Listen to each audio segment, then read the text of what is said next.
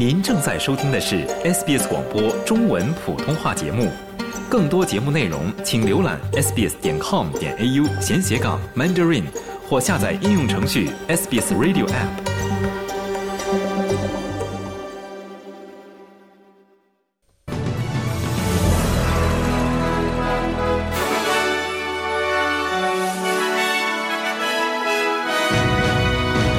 黄英贤称，政府将确保援助加沙的资金不会被错用。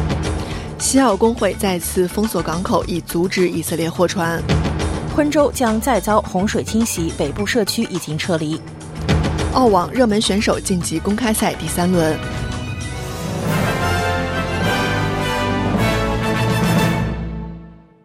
以下是新闻的详细内容。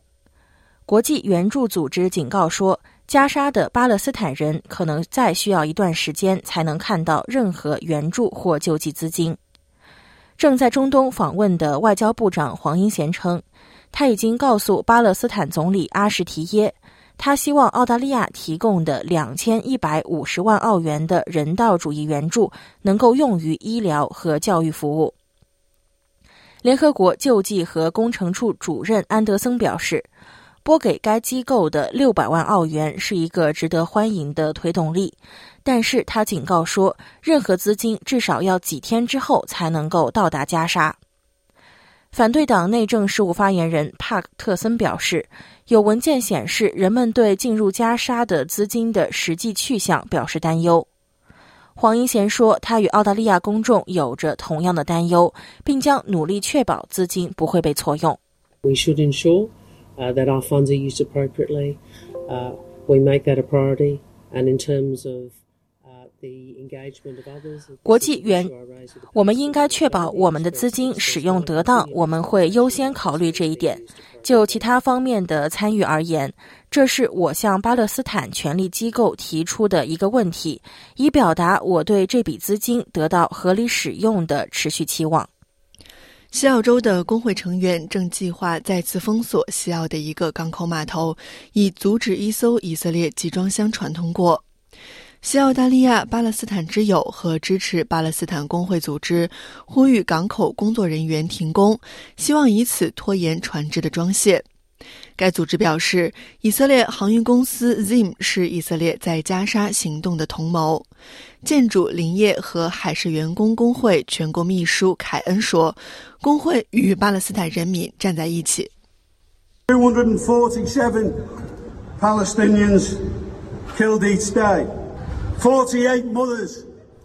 每天有二百四十七名巴勒斯坦人被杀害，每两小时有四十八名母亲被杀害，每五小时有一百一十七名儿童被屠杀，而我们却袖手旁观。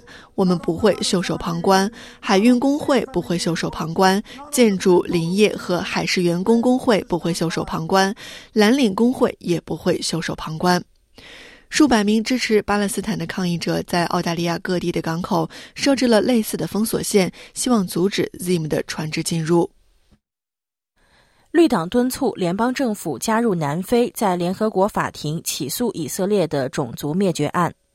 在此之前，澳大利亚总理阿尔巴尼斯曾在一月十七日周三指出，澳大利亚无意这样做。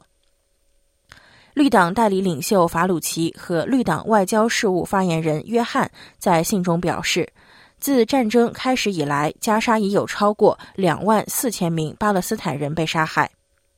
信中称，作为防止及惩治灭绝种族罪法的签署国之一，澳大利亚有义务防止任何违反该法的行为。国际能源署负责人表示，尽管中东存在紧张局势，但今年石油市场将处于一个舒适和平衡的状态。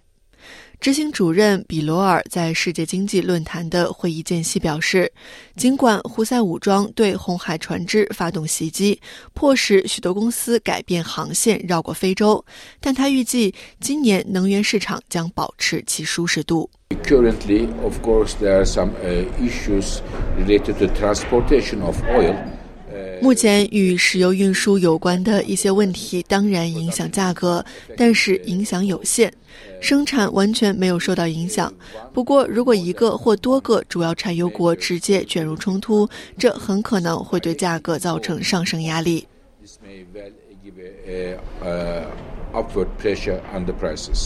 他补充说，国际能源署预计，今年来自美国、加拿大、巴西和圭亚那的石油产量将显著增加，正值全球石油需求增长放缓。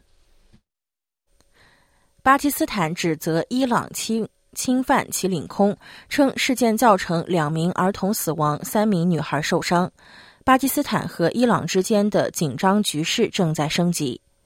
伊朗外交部长阿卜杜拉西安表示。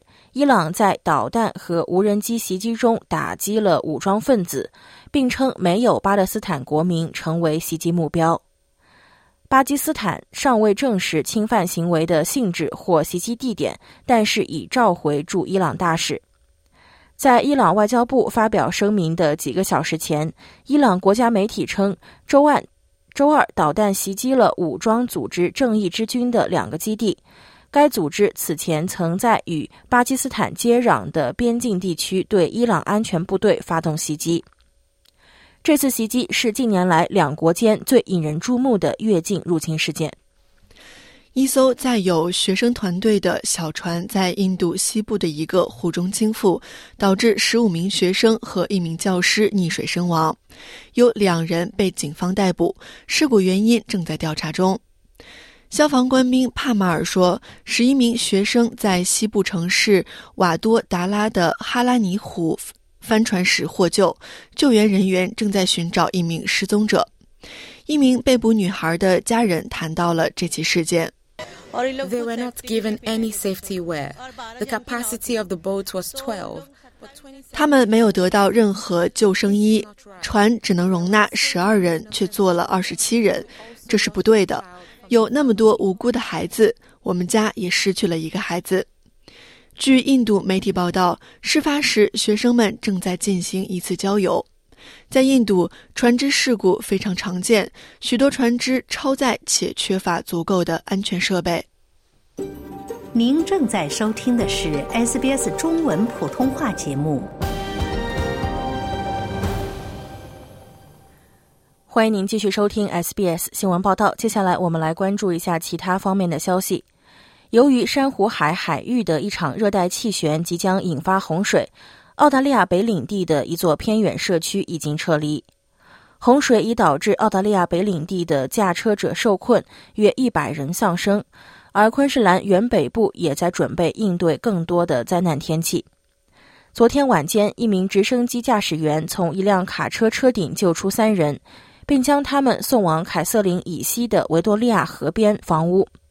大约四十人从皮贡孔社区撤离，该社区被维多利亚和唐斯牧场包围。另外五十人从达古拉谷搬到了卡尔卡林吉。皮金霍尔的一些房屋被淹没，警方预测洪水将持续一周。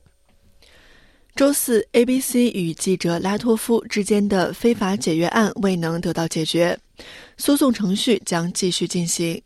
这位前 ABC 节目主持人称，这家公共广播公司以政治观点或包含政治观点在内的理由非法终止了他的合同。他后来补充说，自己的黎巴嫩血统也是他被解雇的原因之一。ABC 否认了这些指控，称已经指示拉托夫在被派往霍巴特工作期间，不得在其社交媒体账户上发布任何有争议的内容，并拒绝在公平工作委员会解决此事之前发表进一步评论。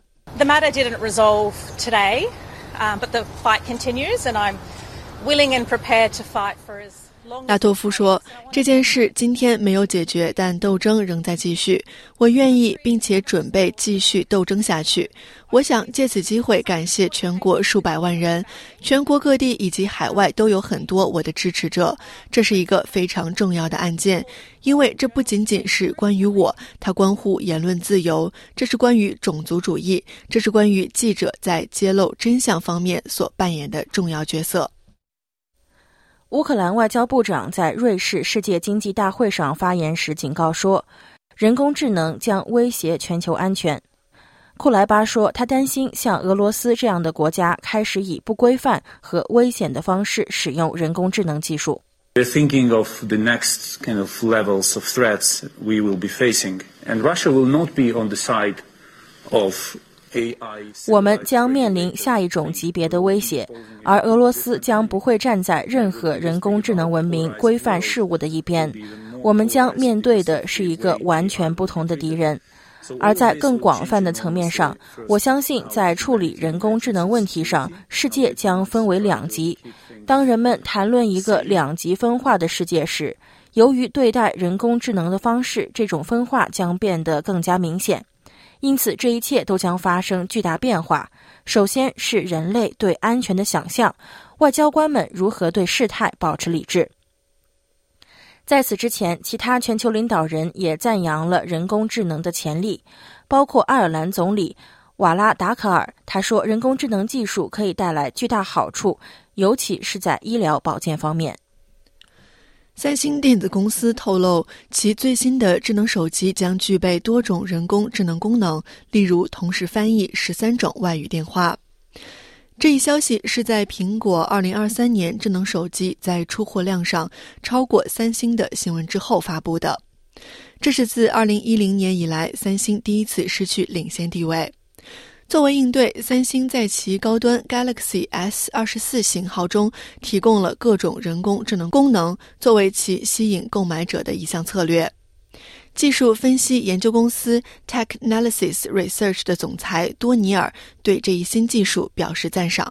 I, think the combination of the transcriptions and summary and translation capabilities are really going to not 我觉得将转录、摘要和翻译功能结合在一起，肯定会令人印象深刻，因为它们使得信息更加真实。从技术角度来看，它们真正酷的方面是，这些都是在设备上完成的。显然，搜索不包括在内，但转录和所有其他功能，包括翻译，都是使用设备上的基础模型，比如来自谷歌的 Gemini Nano 模型。澳大利亚的失业率连续第二个月保持在百分之三点九。统计局的数据显示，就业人数减少了六万五千人，失业人数增加了一千人。二零二三年十一月份的失业率上升了零点一个百分点。这一劳动市场的变化使当时的失业率达到百分之三点九的水平。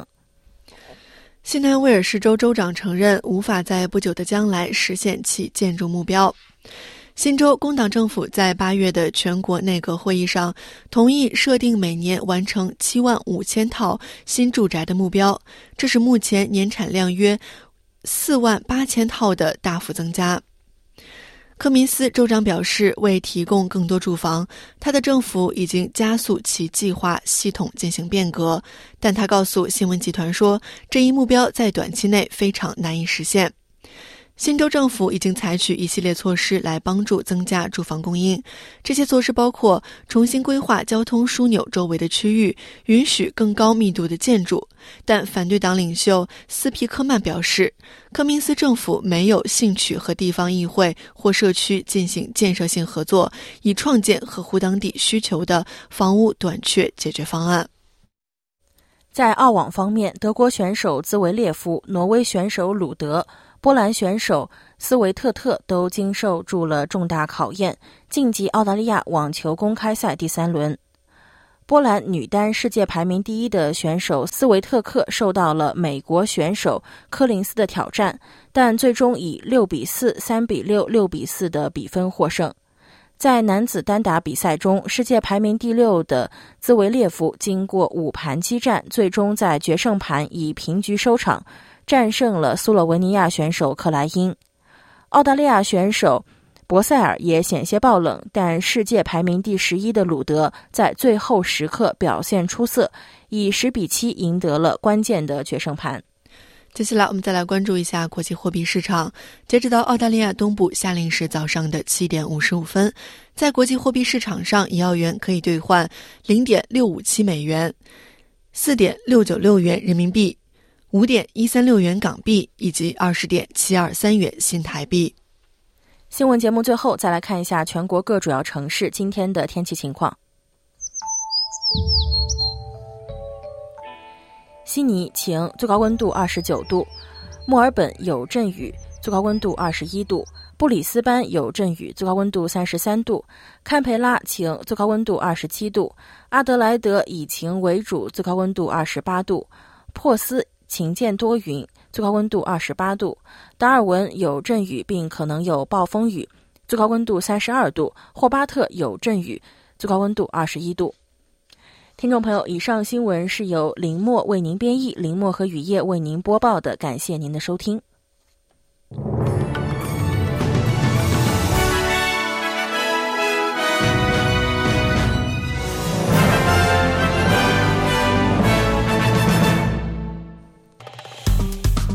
喜欢、分享、评论，欢迎您在 Facebook 上关注 SBS 普通话页面。